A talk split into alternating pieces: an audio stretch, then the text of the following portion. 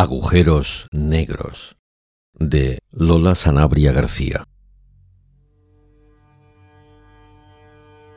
Escucha la llave de hierro girar en la cerradura. Los goznes oxidados chirrían al abrirse la puerta. La silueta se recorta, imponente, en el cuadrilátero de luz.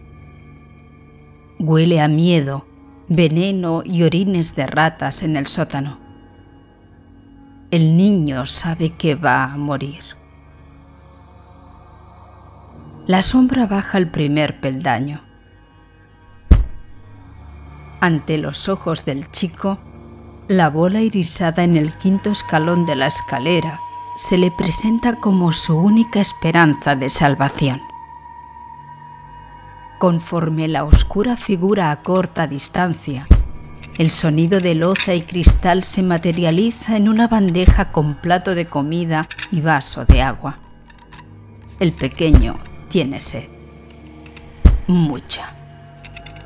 El miedo se repliega. Necesita beber con urgencia.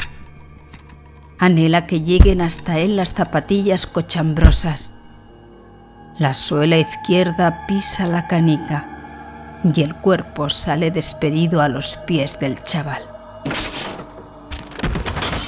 Un crack de rama rota.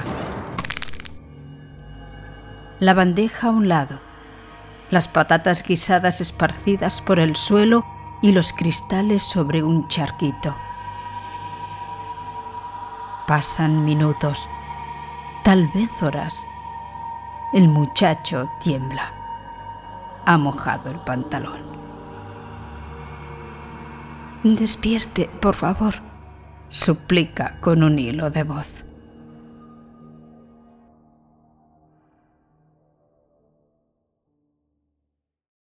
Relato ganador del concurso de microrelatos de la microbiblioteca Esteba Palutzí de Barbará del Vallès de diciembre de 2021. Grabación en veu alta.